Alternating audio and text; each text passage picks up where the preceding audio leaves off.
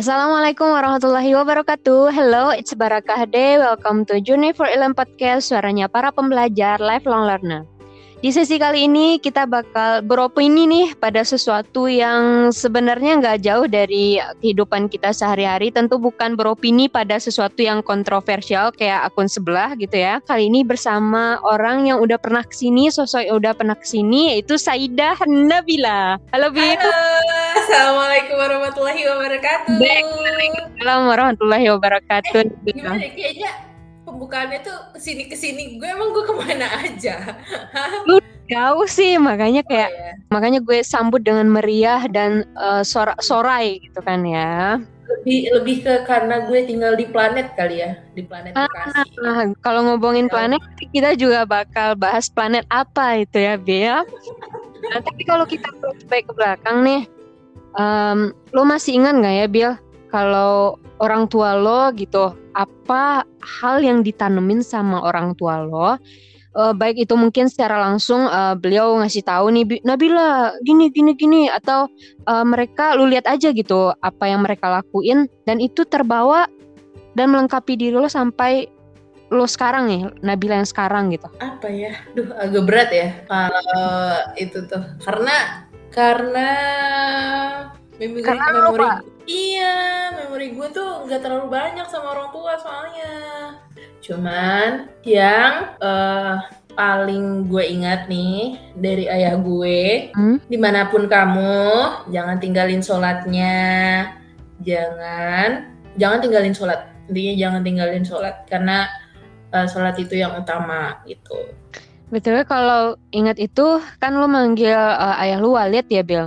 Jadi kalau waktu kita kuliah kan kita juga sering uh, nginep gitu ya karena udah malam gitu-gitu kan ya dan uh, gue masih inget Walid lu itu sering nelpon lu gitu ya nelpon lu terus um, lu angkat dengan gaya lu yang biasa lah cuek-cuek gimana wow, gitu ya. tahu sekali bu ya. Di situ Walid lu selalu bilang itu, nak uh, udah sholat belum nak? Udah ini belum nak? Pasti kata-kata udah sholat belum itu pasti ada gitu ya Bel. Dan ternyata hal itu yang paling lu ingat gitu. Yes dan by the way nih ya yang gue salut dari ayah gue itu dari walid gue hmm? apa pun kondisinya uh, beliau selalu berusaha untuk menghubungi gue gitu. Sebagai anaknya mungkin kan uh, ada beberapa orang tua yang yang mungkin secara mungkin kita berjauhan gitu ya LDR waktu itu gue di Padang ayah gue di Jakarta. Nah uh, cuman walid gue itu selalu nyempetin buat uh, komunikasi nelpon kita gitu nelpon gue gitu video call. Bahkan sehari itu bisa tiga kali lebih dari makan gue. Kalau sekarang itu Walid lo masih sering nelpon karena sekarang kan udah lebih dekat ya jaraknya Bill atau uh, disamperin gitu Bill? Uh, kalau sekarang sih lebih disamperin karena kan sebenarnya gue nggak tinggal bareng juga ya. Misalnya hmm. gue di Bekasi, Walid gue di Jakarta. Jadi kalau nelpon, uh, alhamdulillah beliau masih setiap hari juga.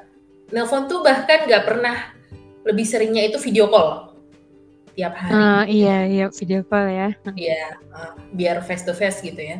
Nah hmm. uh, cuman kalau karena kita nggak tinggal bareng, jadi uh, kadang beliau sih suka nyamperin ke sini setiap uh, Sabtu Sabtu sore itu biasanya atau kalau ada gue waktu gue yang ke rumah ayah gue gitu. Setiap orang tua itu emang beda-beda ya mengekspresikan rasa cintanya termasuk orang tua lu nih. Nah, kalau karakter nih Bel, karakter uh, anak-anak di era lu dan karakter di anak-anak zaman sekarang. Mungkin kita ini kalau dari BPS itu sama-sama generasi Z ya, Bel. Kita generasi Z pertama dengan uh, tahun kelahiran 97 gitu. Tapi mungkin jaraknya itu cukup jauh dengan uh, yang mungkin sekarang lagi SMP SMP gitu yang masih unyu-unyu sedikit banyak lu udah melihat tuh karakter generasi yang seumuran itu ketika lu menjadi guru di pekerjaan lu yang sebelumnya gitu nah orang-orang merasa ada perbedaan antara generasi kita dengan generasi orang-orang yang sekarang anak-anak sekarang dalam cara bersikap khususnya nih Bel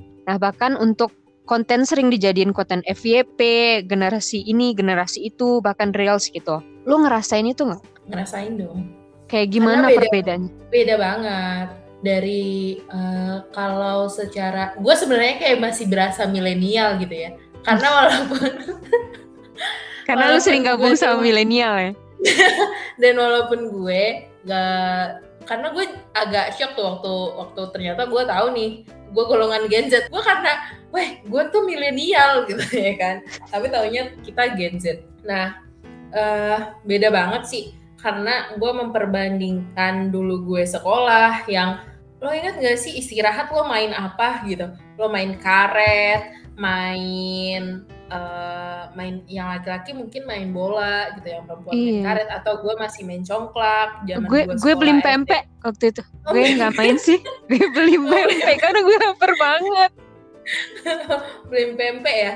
Wah iya. gue gue beli apa ya? Nasi goreng gue kayaknya. Lebih high ya. Oke okay, yeah. okay.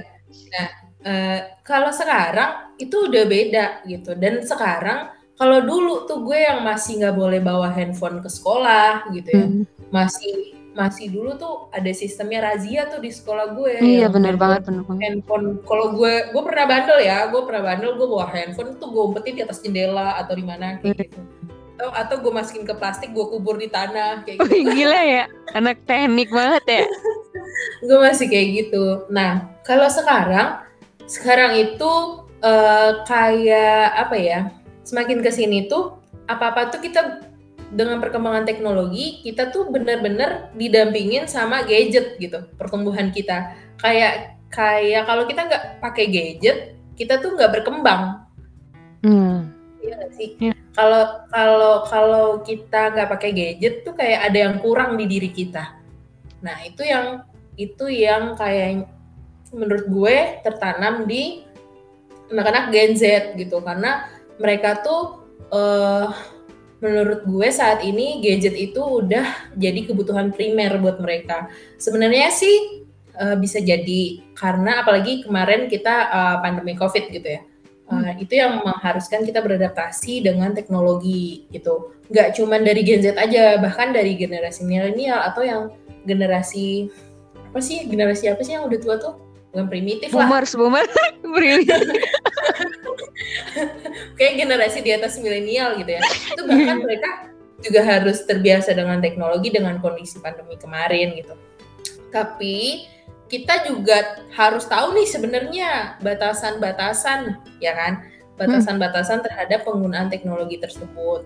Nah, cuman uh, banyak orang tua yang mungkin tidak memantau atau tidak mengontrol penggunaan teknologi pada anaknya gitu. Jadi banyak mungkin mungkin kita juga sudah banyak melihat banyak yang kecanduan apa-apa uh, mungkin anak-anak yang uh, yang mungkin scroll TikTok 24 jam kayak gitu hmm. atau scroll Instagram Reels dan lain-lain itu tuh uh, lebih lebih salah menggunakan gadget tersebut gitu. Ya betul betul banget sih karena kalau kita aja nih Bill sebagai orang yang sudah cukup dewasa atau yang di atas kita itu kalau ngehandle media sosial itu juga bisa kecanduan gitu kan ya Bill dan oh. lama gitu nge-scrollnya apalagi mereka yang masih uh, ambang gitu untuk menentukan baik benarnya itu masih uh, butuh dibantu gitu kan ya Bill. Jadi sebelum oh uh, kita ngepodcast ini Bill gue udah nyari uh, berita-berita nih dari sumber-sumber yang ada dan terpercaya gitu ya terkait case anak-anak sekarang dan uh, udah gue ambil beberapa mungkin yang bakal kita tunjukkan nih Bill. Nah yang pertama nih terkait dengan gadget nih dua remaja Bekasi alami gangguan jiwa akibat kecanduan game handphone, Bel. Apakah Bekasi ini lokasi di mana planet yang lu omongin tadi? Emang ya Bekasi itu selalu jadi highlight gitu ya. Iya ya, jadi ada berita-berita yang yang kurang mengenakan didengar gitu kadang gue sedih kenapa sih Bekasi gini banget gitu loh. Nah lu harus uh, lebih tahu nih Bill karena lu emang warga Bekasi gitu ya. Jadi dua remaja di Kabupaten Bekasi dia bilang di sini diduga kecanduan game di handphone sehingga mengalami gangguan kejiwaan. Saat ini keduanya dirawat di Yayasan Gangguan Jiwa setempat. Ini contoh nyata penggunaan telepon seluler secara berlebihan sebagai dampak perkembangan game gitu. Nah, waktu lu jadi guru itu Ada nggak Bill yang diem-diem gitu main game saat jam pelajaran ada nggak?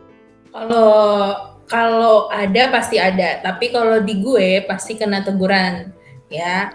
Karena kan kebetulan gue juga ngajarnya menggunakan gadget gitu ya. Jadi iya. di situ gue pantau. Kalau memang apa yang dia dia buka tidak sesuai dengan pelajaran yang diajarkan, itu gue tegur. Nah, tolong fokus dulu terhadap pembelajaran. Nanti ada waktunya untuk bermain game tersebut gitu. Jadi gue gua stop fokus ke pembelajaran.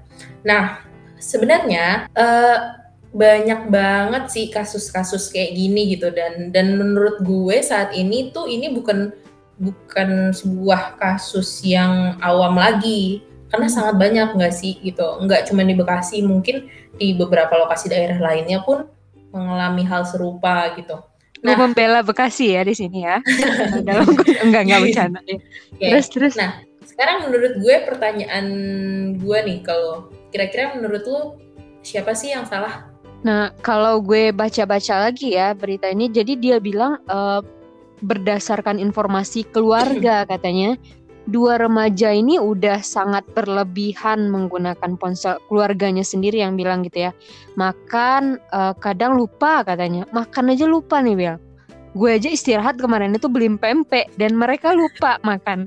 Lebih parah lagi kalau dilarang mereka emosional. Jadi itu yang jiwanya udah terganggu ya Bel Nah, menurut gue di sini pondasi pertama seorang anak itu tidak lain dan tidak bukan adalah uh, keluarganya sendiri ya, Bill.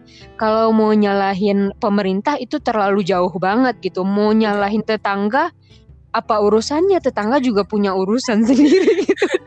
Jadi nggak yeah. ada nggak ada hal yang emang lebih uh, patut untuk menjadi uh, pegangan buat seorang anak selain uh, keluarganya, inti keluarganya, siapa yang berada dalam kehidupannya itu sehari-hari gitu, Bill.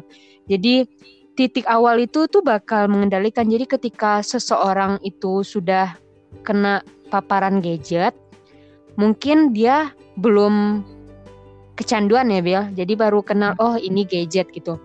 Ketika dua kali dia mulai merasa, oh asik nih pakai gadget Tiga kali dia coba lagi, kok tambah asik, mulailah kecanduan. Dan ketika yang keempat kali, ternyata orang terdekatnya yang bi yang seharusnya mengendalikan itu tidak memberitahu, memberikan uh, arahan dan sebagainya dan sebagainya, mulailah waktu lebih lama bahkan makan pun lupa gitu. Dan ketika mereka sudah masuk ke dalam tahap kecanduan, baru dimarahin Nah, mereka udah di tahap yang emang susah gitu. Ketika orang kecanduan tuh kan emang nggak ada yang membantah kalau emang menantang untuk dikasih tahu gitu. Dan nggak ada lagi yang bisa mengatasinya selain menggunakan pihak luar kayak tadi diarahkan ke yayasan yang berkaitan dengan uh, jiwa dan hal-hal yang berhubungan dengan uh, pendidikan psikologis buat anak itu gitu bilang. Kalau menurut gue sih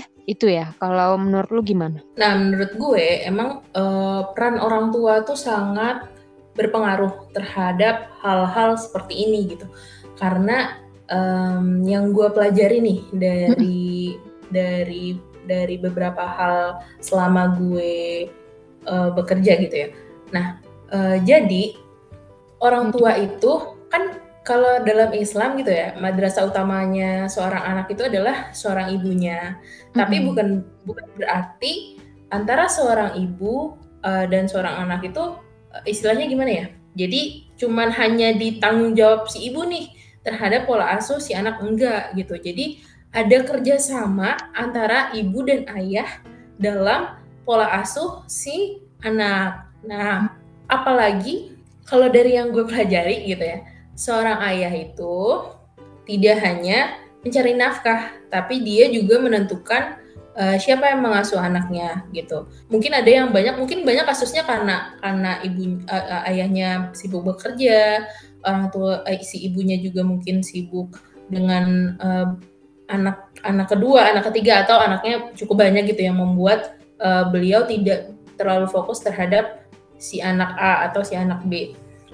Tapi uh, sebenarnya peran orang tua itu sangat berpengaruh.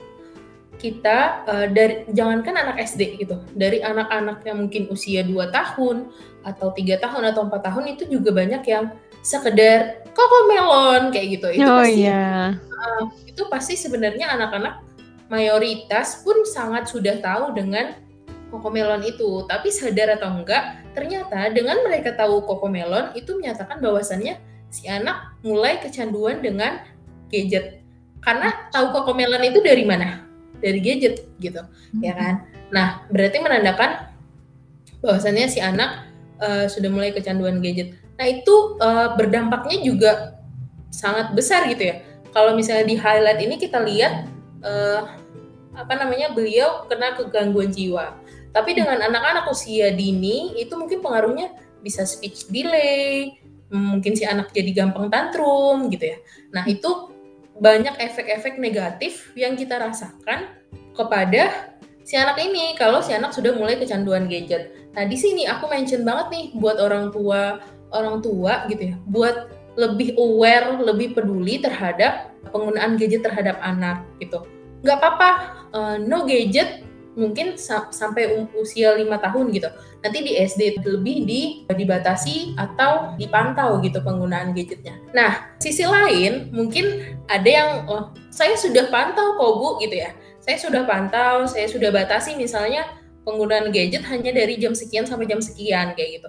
Saya sudah batasi dan lain-lain lain. Tapi kenapa ya anak saya tetap kecanduan gadget gitu? Mungkin ada beberapa pertanyaan juga yang seperti itu gitu. Karena banyak kasusnya. Kalau udah sampai kegangguan jiwa ini kan memang udah parah banget. Kalau yang kasus-kasus tadi itu tuh anak tidak hanya bisa dibatasi seperti itu. Kalau anak hanya dibatasi seperti itu mereka akan bingung nih. Gue dibatasi nama mama gue pakai gadget terus ngapain gitu.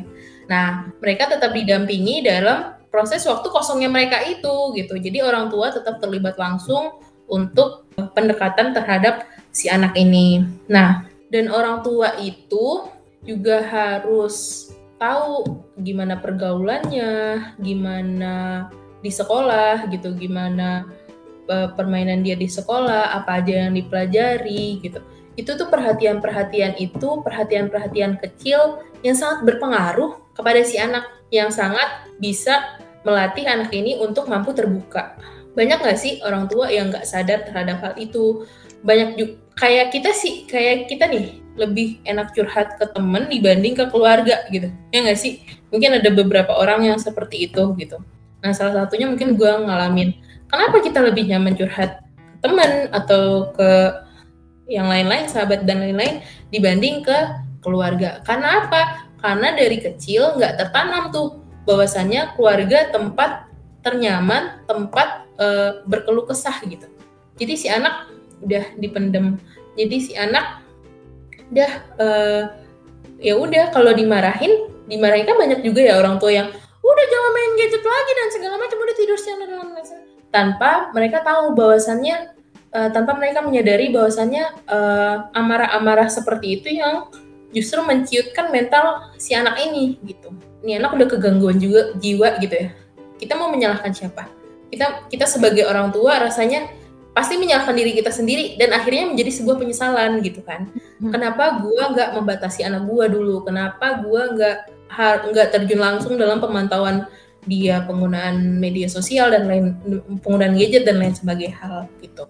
Sebenarnya gue miris banget sih dengan kasus-kasus seperti ini karena kas kasihan dengan anaknya juga kasihan dengan orang tuanya kalau pada akhirnya mereka benar-benar si anak benar-benar terkena gangguan jiwa gitu.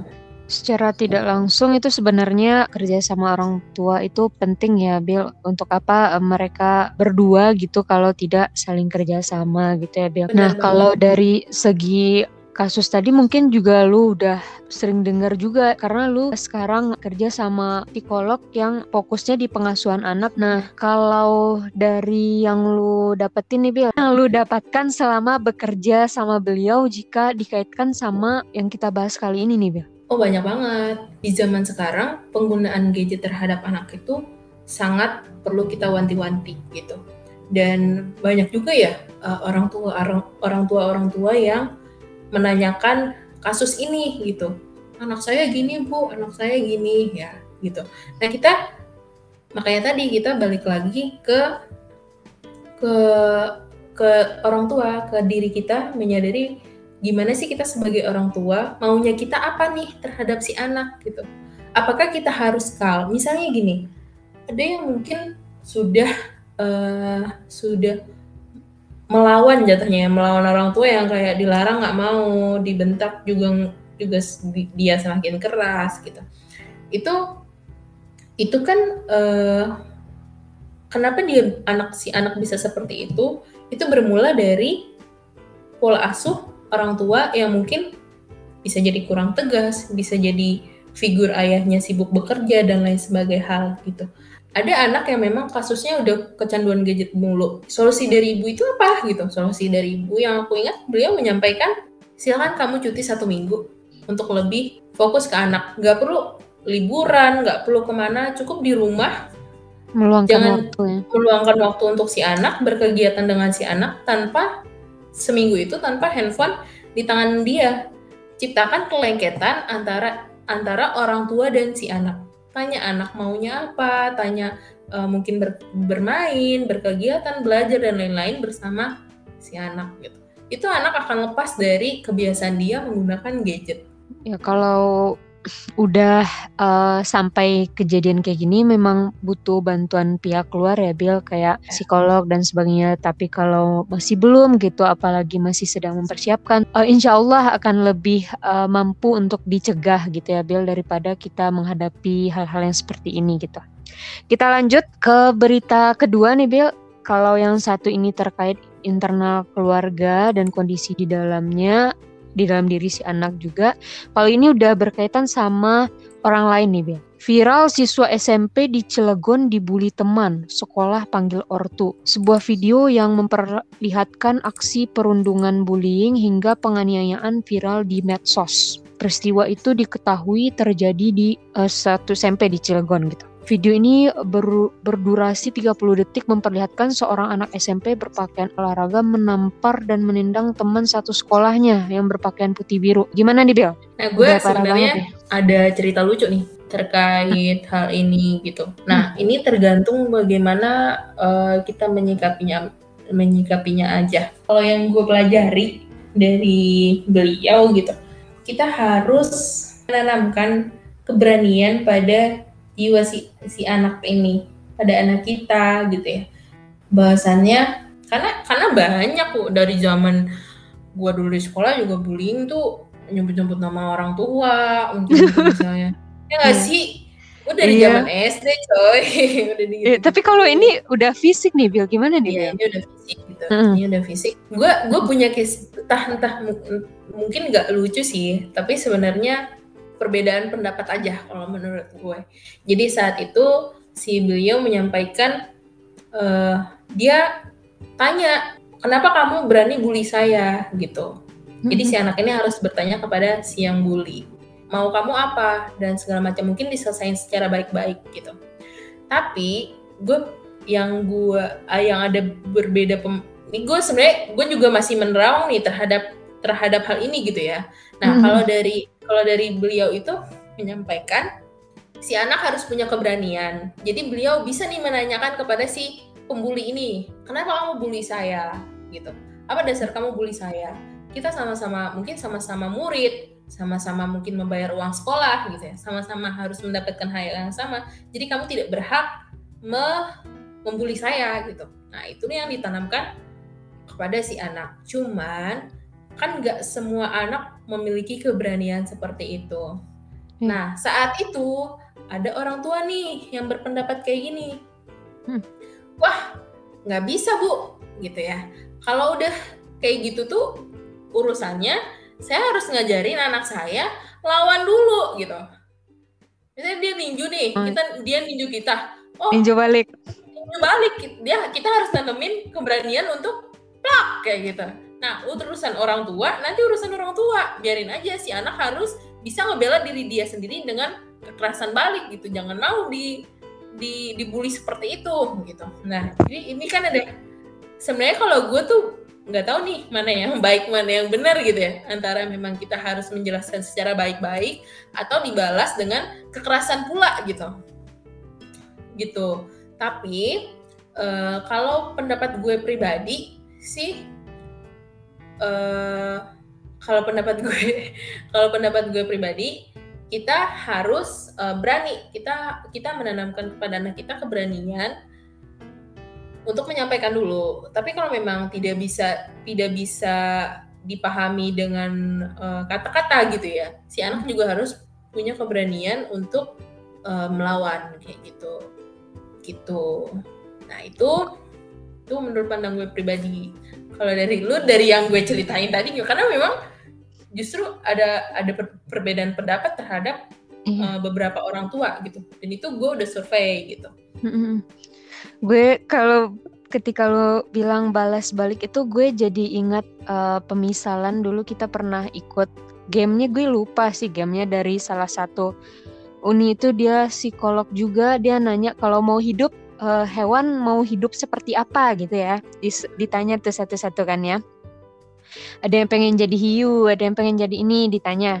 Terus udah dikasih tahu alasannya kenapa gitu. Sebenarnya just for fun aja, tapi dari si psikolognya itu bilang, "Eh kalau Uni mau jadi lebah," katanya. Jadi lebah itu hidup memberikan kebermanfaatan dan sebagainya, bahkan dia nggak ngegoyangin bunga gitu ya ketika dia berdiri di bunga itu tapi kalau dia diganggu plek dia bakal lakukan hal yang lebih parah daripada yang mengganggunya gitu ya dan gue kaitkan ini sama salah satu uh, sahabat Rasulullah nih Bill. Jadi sahabat Rasulullah yang juga merupakan anak dari bibi Rasulullah yaitu uh, Safiyah. Bahkan gue ketika uh, dengar kisah ini waktu itu gue pengen banget namain anak gue beliau gitu Bil. Saking gue melihat sama-sama berani sama Umar gitu. Namanya Zubair bin Awam. Jadi Zubair ini Bil dididik sama Sofiah itu sejak kecil untuk menjadi seorang anak yang pemberani gitu Bil. Jadi fitrah laki-lakinya sudah dimunculkan dari awal menjadi seorang pemberani. Tapi sebenarnya Sofiah yang perempuan pun juga pemberani gitu Bil. Bahkan di medan perang pun ikut berjuang gitu. Nah, jadi dia diajarkan uh, berani menghadapi apa pun gitu. Sejak kecil sudah dibiarkan uh, berada di dalam kegelapan. Jadi gelap-gelap ketika orang tua lain uh, mengatakan kepada Sofia, Sofia itu Zuber gitu. Secara ininya ya bahasa Indonesia gaul-gaulnya gitu. Sofia ini Zuber jangan uh, ini nanti kasihan kasihan kata yang lain kan. Tapi Sofia itu diam aja dan Sofia diam aja dan membiarkan Zuber belajar untuk memahami arti keberanian gitu. Dan ternyata benar semua didikan Sofia itu itu berjalan dengan baik hingga dia menjadi panglima besar ketika perang dan dia membuktikan kekuatannya itu digunakan di tempat yang tepat gitu ya Bill.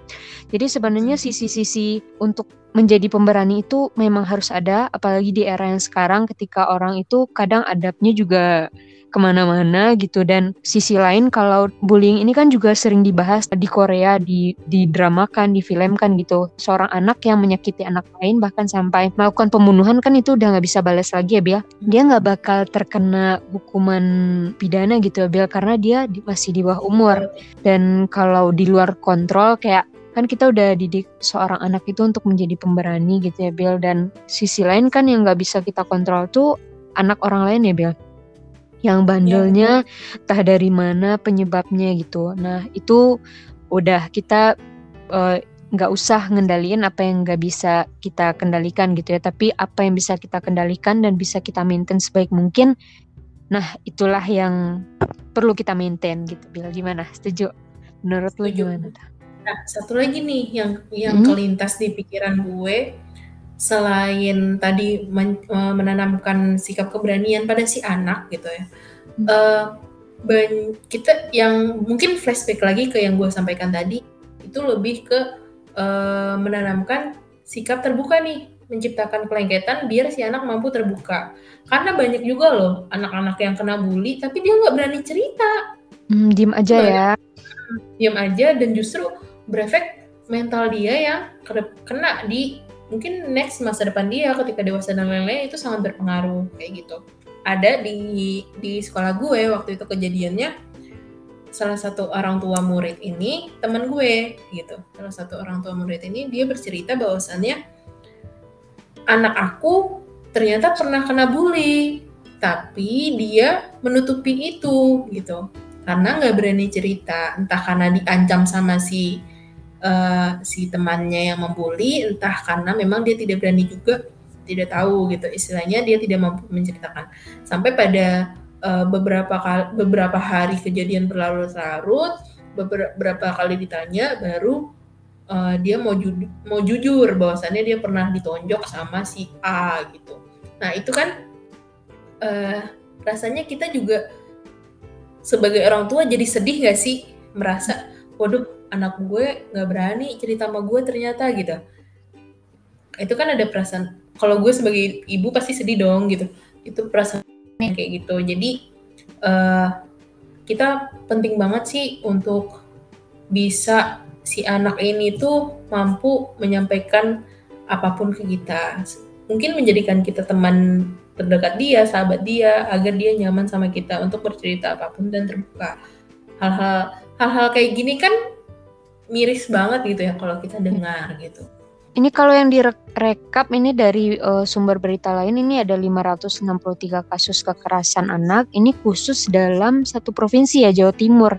Dan 37% di antaranya itu adalah uh, bullying ya di sekolah gitu. Dan hal ini juga menjadi kasus yang perlu diperhatikan karena dua kasus ini kayak kecanduan gadget sama bullying itu hal yang uh, bakal ada terus karena gadget akan ada seiring dengan kemajuan teknologi dan sebagainya. Dan sekolah akan tetap ada gitu ya karena anak-anak butuh pendidikan dan bertemu dengan satu sama lain dan bisa jadi ada bullying di sana gitu kan ya Bill. Dan hal dua kasus ini akan terus diperhatikan dan penting untuk diperhatikan bagi kita yang uh, sedang menjadi orang tua dan akan menjadi orang tua gitu ya Bill. Kita lanjut ke kasus ketiga nih Bill. Kasus ketiga agak berbeda nih Bill. Mungkin ini adalah efek dari teknologi dan uh, jarangnya anak-anak bermain sepulang sekolah main lore gitu ya Bill. Nah, ini berita dari CNN anak dapat nilai F cuma kurang dari 20% remaja RI yang doyan gerak. Gimana nih menurut Bill? Gue Jadi, kayaknya agak agak gimana gitu gimana, kalau gimana, kalau berpendapat terhadap hal ini gitu ya. Karena gue termasuk mungkin salah satu yang generasi generasi oh, kalau di sini lu baru masuk generasi Z. Oh, iya iya benar-benar Minimnya aktivitas fisik tampaknya menjadi salah saat masalah kekinian yang dialami oleh banyak negara. Nah, di Indonesia tingkat aktivitas fisik kelompok remaja terbilang rendah, bahkan sampai nilainya F, Bil. Kalau lu kuliah nilai F gimana, Bil? Ngulang atau lu lanjut aja bawa ijazah lu kayak gitu, Bil? Kayaknya gue di DO deh kalau dapet nilai F. Ya kayaknya enggak ada nilai F, cuma ada sampai E deh. Iya bener kan? E aja kita. Berarti udah ini udah parah banget, banget dong. Gitu. Iya benar. Ini tuh salah satu dampak gitu loh. Salah satu dampak dari si kecanduan gadget tadi, mungkin si bullying juga tadi, yang akhirnya mempengaruhi si otak otak kita nih, kerusakan otak, ya kan? Kerusakan hmm. otak sampai tuh udahlah scroll TikTok rebahan tuh lebih nyaman gitu kan ditambah selimut pakai AC mati lampu udah hmm. gitu.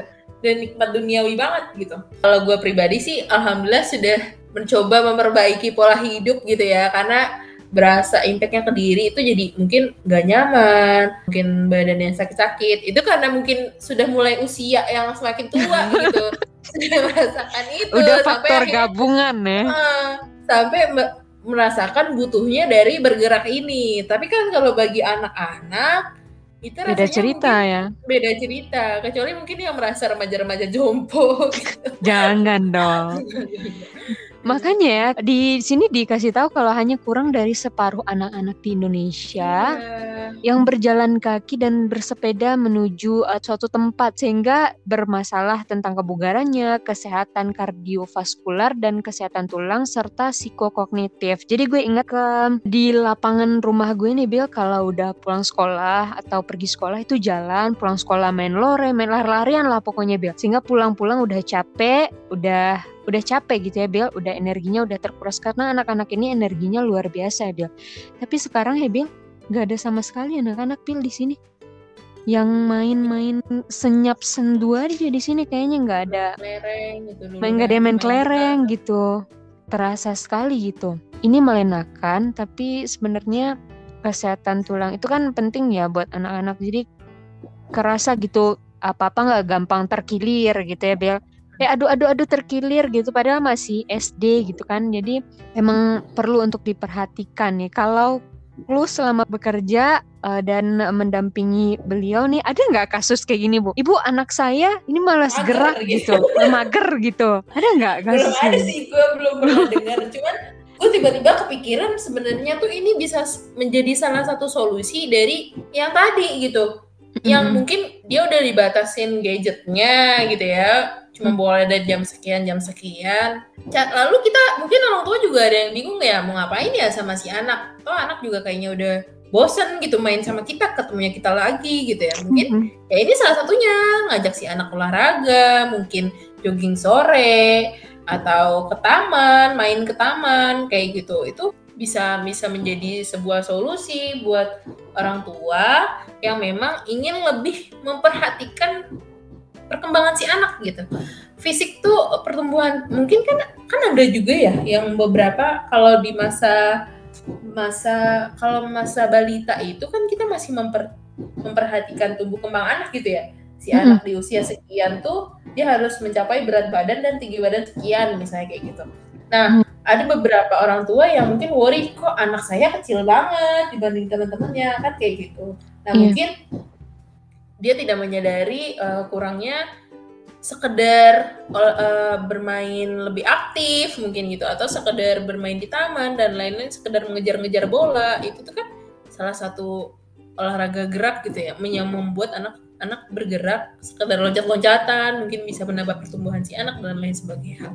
Nah, itu yang tidak disadari orang tua. Yang mereka sadari mungkin hanya kecanduan gadget dan lain-lain kayak gitu. Nah, ini ini ini ini baru banget sih gue dapat juga gitu ya informasi terkait riset kemageran ini, gitu. ini gitu ya. Iya. Jadi ketika kita ingin menggantikan sebuah aktivitas, eh, kita ingin menghilangkan mungkin uh, dia tidak bisa hilang sepenuhnya ya. Dia harus digantikan dengan aktivitas lain gitu ya Bel. Dan ini bisa jadi salah satu cara untuk uh, menghindari hal-hal yang tidak diinginkan dan memunculkan hal yang diinginkan dengan bergerak berolahraga karena manfaatnya juga besar ya Bel. Terutama buat kita juga nih Bel. Kita harus olahraga nih minggu ini weekend. Mungkin ada hal yang harus dilakukan. Ya maksudnya uh, sekadar kita dapat cahaya matahari pagi gitu ya. Iya itu, itu mahal banget. banget.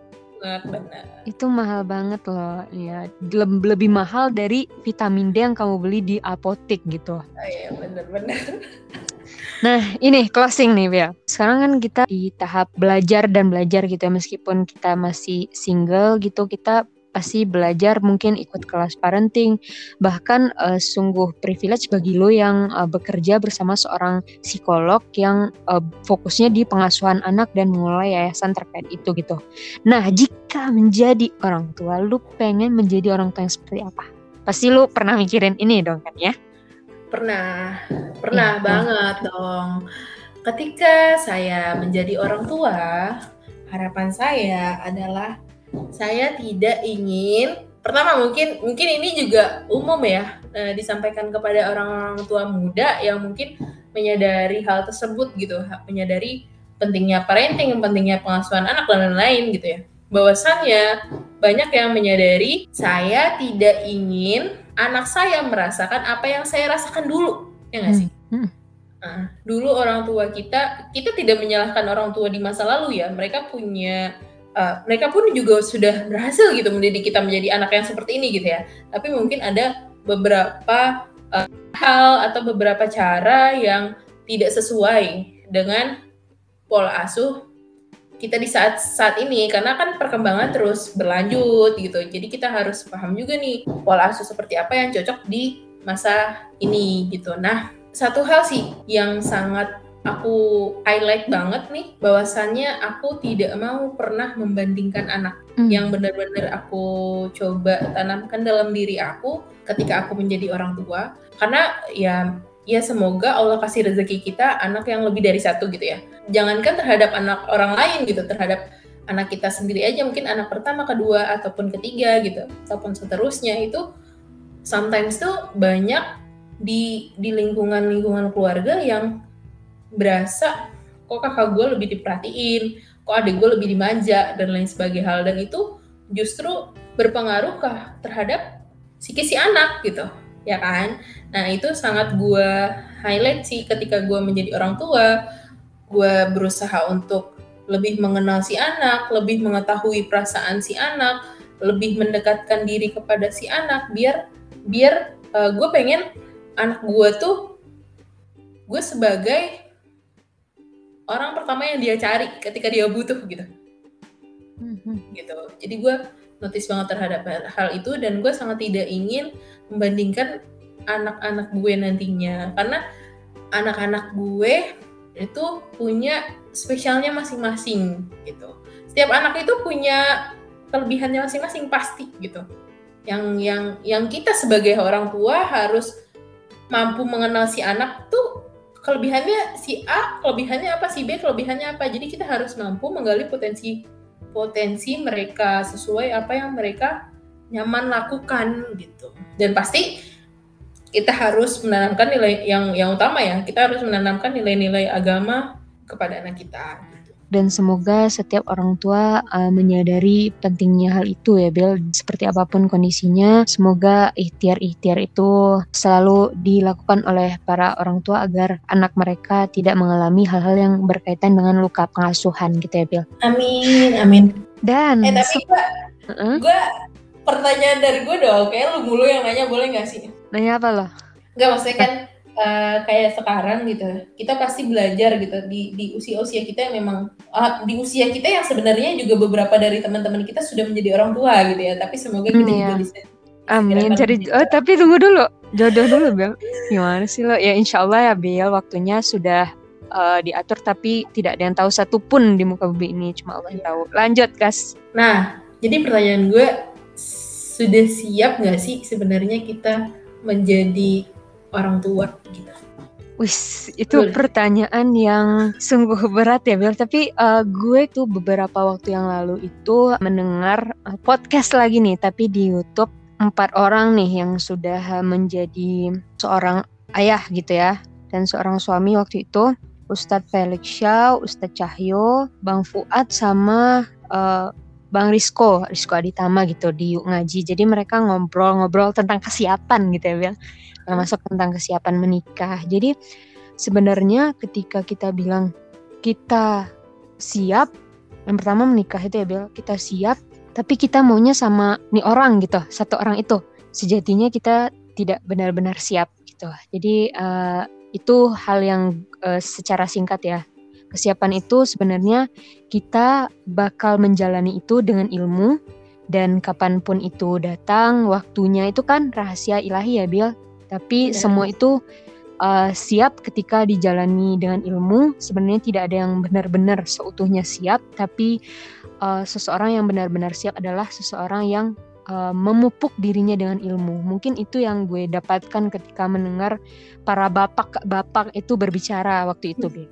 Benar, benar, benar. Karena sebenarnya kalau menunggu kesiapan itu kita nggak nggak nggak akan siap 100% juga gitu karena mm -hmm dalam berumah tangga. Ya kan menikah itu kan ibadah terpanjang ya. Memang kita harus mempersiapkan bekal kita juga pra menuju menuju pernikahan dan rumah tangga itu.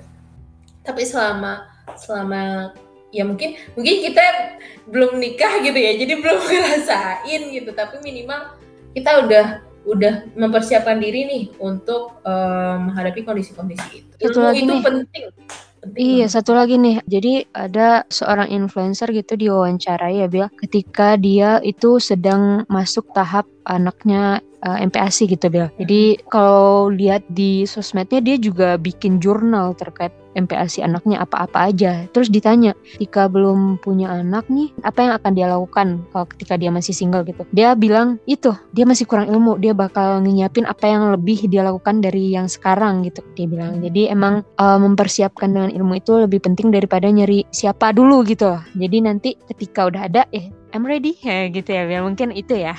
Tidak terasa kita sudah di penghujung pembahasan kita nih Bill. Jadi sebelum kita tutup, close statement dulu nih dari Bibil pada kesempatan kali ini. Closing statement dari aku, kita uh, sebagai manusia tentu pasti ingin melakukan hal yang terbaik dan harapannya ketika kita menjadi orang tua dan ketika kita menjadi anak, kita berusaha selalu memberikan yang terbaik atas peran-peran yang kita lakukan agar tidak menyesali kemudian hari. Seperti itu. Semoga Allah lancarkan setiap urusan kita ya Bill dan permohonan-permohonan kita didekatkan pada pengabulan gitu ya Bill. Amin, amin ya rabbal alamin. Udah tutup podcastnya ya Bill. Thank okay. you for today, Bill. Terima kasih sudah membersamai. Thank you Terima untuk yang sudah listening. See you in another case. Wassalamualaikum warahmatullahi wabarakatuh. Waalaikumsalam warahmatullahi wabarakatuh.